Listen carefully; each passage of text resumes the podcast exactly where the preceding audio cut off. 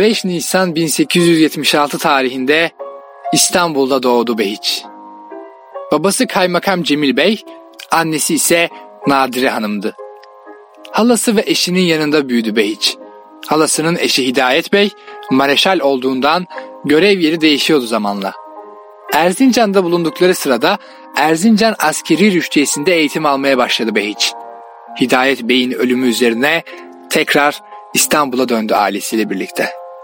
1894 yılında İstanbul'da askeri rüştiyeyi, 1895'te askeri idadiyeyi, 1898'de harp okulunu ve ardından 1901'de 25 yaşındayken harp akademisini bitirdi. Sonra Selanik'te 3. Ordu Komutanlığı'na atandı ve burada Mustafa Kemal ile kurduğu dostluk ömür boyu devam etti. İkinci meşrutiyetin ilanından sonra ortaya çıkan 31 Mart isyanını bastırmak üzere İstanbul'a giden hareket ordusunda Mustafa Kemal ile birlikte yer aldı. 1912 yılındaki Balkan Savaşı'nda Yunanlara esir düştü. Ne var ki kurtulmayı başardı. Sonrasında demir yollarının ordu hizmetinde çalıştırılmasını sağladı. Birinci Dünya Savaşı sırasında demir yollarının askerlik açısından tarihi, kullanımı ve teşkilatı adıyla bir kitap yayınladı. 30'lu yaşlarının sonlarındayken sevkiyatlardan sorumlu komutan olarak Çanakkale Savaşı'nda görev aldı ve bu savaşın kazanılmasında önemli bir rol oynadı. Bu sebepten dolayı Çanakkale'yi savunan Türk kuvvetlerinin komutanı Mareşal Limon von Sanders'in önerisiyle Alman İmparatoru tarafından Behiç Bey'e Alman devletinin en üstün mertebedeki nişanı olan birinci dereceden Demir Haç madalyası verildi. İstanbul'un işgalinden sonra milli mücadeleye katılmak üzere Anadolu'ya geçmeye karar verdi Behiç Bey. 5 Temmuz 1920 tarihinde Ankara'ya vardığında Osmanlı Devleti döneminde demir yolları konusundaki tek eseri yazmış olması, Çanakkale Savaşı'nın tüm cephe sevkiyatlarını planlayan ve bu planları başarıyla uygulayan komutan olmasından dolayı Kurtuluş Savaşı'nın tüm cephelere asker, silah ve erzak sağlama görevine uygun görüldü Behiç Bey. Ve Mustafa Kemal'in yönlendirmesiyle demir yollarının başına geçti. Öyle ki Mustafa Kemal ile aralarında geçen bir konuşmada şöyle demiştir Mustafa Kemal ona. Ben cephelerde ne yapılacağını biliyorum. Ama ordumuzun cephelere süratle nasıl sevk edileceğini bilmiyorum. Bu demir yollarının işin ehli biri tarafından idare edilmesiyle mümkün olabilir. Buna ancak siz muvaffak olabilirsiniz. Siz demir yollarıyla cephelere askerleri sevk edin ki ben de cephelerde muvaffak olabileyim. Behiç Bey ise bir şartla bu görevi üstleneceğini söyledi Mustafa Kemal'e. Benim işime kimse karışmayacak. Mustafa Kemal kabul etti bu şartı. Behiç Bey demir yollarının kesiştiği yer olan Eskişehir'e bir üs kurdu. Ve savaş boyunca derme çatma trenlerle cepheye asker, cephane, malzeme nakletti, ray döşetti, gerektiğinde ray ve vagonlardan çelik söktürüp kılıç yaptırdı.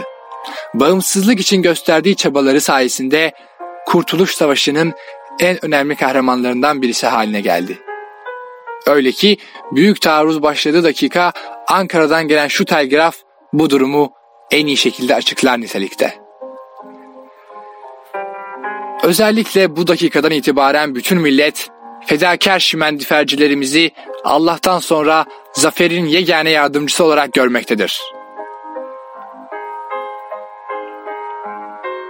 Savaşın ardından Türkiye Büyük Millet Meclisi takdirnamesi ve İstiklal Madalyası ile onurlandırılan Behiç Bey, demir yollarının babası şeklinde anılmaya başladı. Türkiye'de demir yollarının kurucusu olarak kabul edildi. Türkiye Cumhuriyeti Devlet Demir Yolları'nın kurucusu ve ilk genel müdürü oldu. Cumhuriyetin ilanından sonra bir süre Bayındırlık Bakanlığı da yapan Behiç Bey, Demir Yolları Müzesi'nin kurulması, daha sonra İstanbul Teknik Üniversitesi adını alacak Mühendis Mektebi'ne özellik verilmesi, üniversite derslerinin Türkçeleştirilmesi, Milli İstihbarat Teşkilatı'nın fikir babalığını yaparak resmiyet kazandırıp kurulmasının sağlanması gibi birçok önemli işin altına imzasını attı. soyadı kanunun çıkmasıyla birlikte Behiç Bey'e Erkin soyadı bizzat Atatürk tarafından verildi. Zira Mustafa Kemal Erkin kelimesinin anlamını kendi el yazısıyla yazdığı mektupta şöyle açıkladı. Her şart altında kendi doğrularını dile getirme cesaretini gösteren bağımsız kişi. Beyiş Erkin'in ülkemiz için yaptığı fedakarlıklara en güzel hediyeyi yakın dostu Mustafa Kemal Atatürk verdi. 1933 yılında Cumhuriyet'in 10. yaş günü kutlamaları şerefine 10. yıl marşı yazılması kararlaştırıldı. Yarışma düzenlendi, kazanan marşın yazarları Faruk Nafiz Çemlibel ve Behçet Kemal Çağlar'dı. Beste ise Cemal Reşit Rey'e aitti. Güfteyi görmek istedi Mustafa Kemal. Çıktık açık alınla 10 yılda her savaştan, 10 yılda 15 milyon genç yarattık her yaştan. Başta bütün dünyanın saydığı başkumandan bir baca yükseliyor durmadan her yamaçtan. Okudu, son dizenin üstünü çizdi ve demir ağlarla ördük ana yurdu dört baştan yazdı Atatürk. Sonra da Behiç Erkin'e döndü. Sizlerin bu on senedeki emeğiniz iyi ifade edilmiyordu.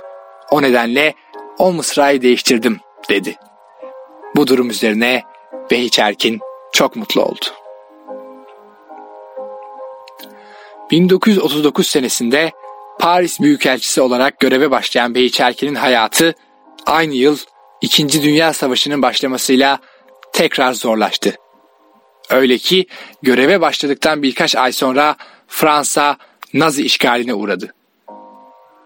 Yahudilerin işlerinden çıkartıldıkları, paralarına el konulduğu ve toplama kamplarına sevk edildiği günlerde Behiç Bey, Çanakkale Savaşı sonrasında Alman İmparatoru tarafından kendisine verilen birinci dereceden demir haç madalyasının gücünü kullandı.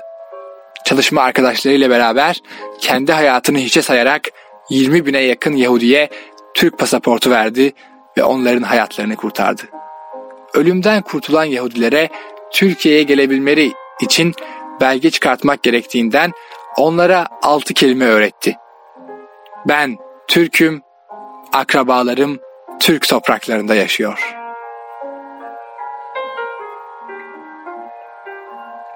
Ayrıca pek çok Yahudiyi bu ev veya iş yeri bir Türkiye aittir şeklinde belge hazırlatarak toplama kamplarına gitmekten kurtardı.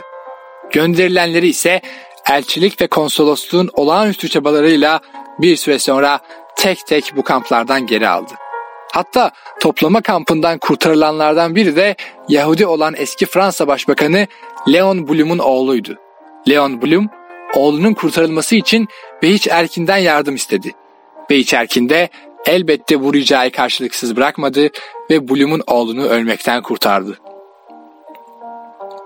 20 bine yakın Yahudiyi üzerinde ay ve yıldız asılı büyük elçinin vagonları diye anılan trenlere bindirerek Almanya toprakları üzerinden Türkiye'ye göndermeyi başardı Beyçerkin.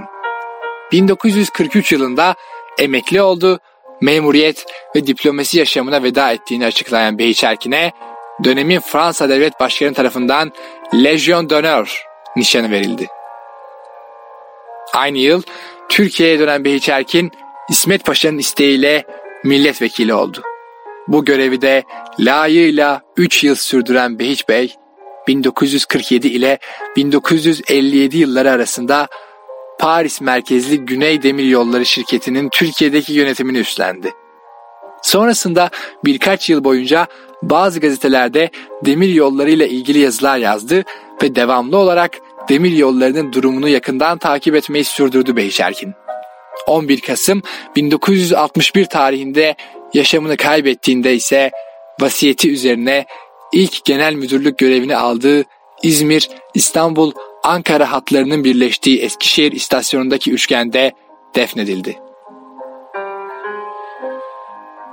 Atatürk'ün özel mektuplarla düşüncelerini en açık surette paylaştığı, ülke ve dünya meseleleri üzerinde fikir alışverişinde bulunduğu sayılı kişilerden biriydi o. Yarınlara gururla hatırlanacak bir isim bıraktı. Behiç Erkin. Ruhu şad olsun.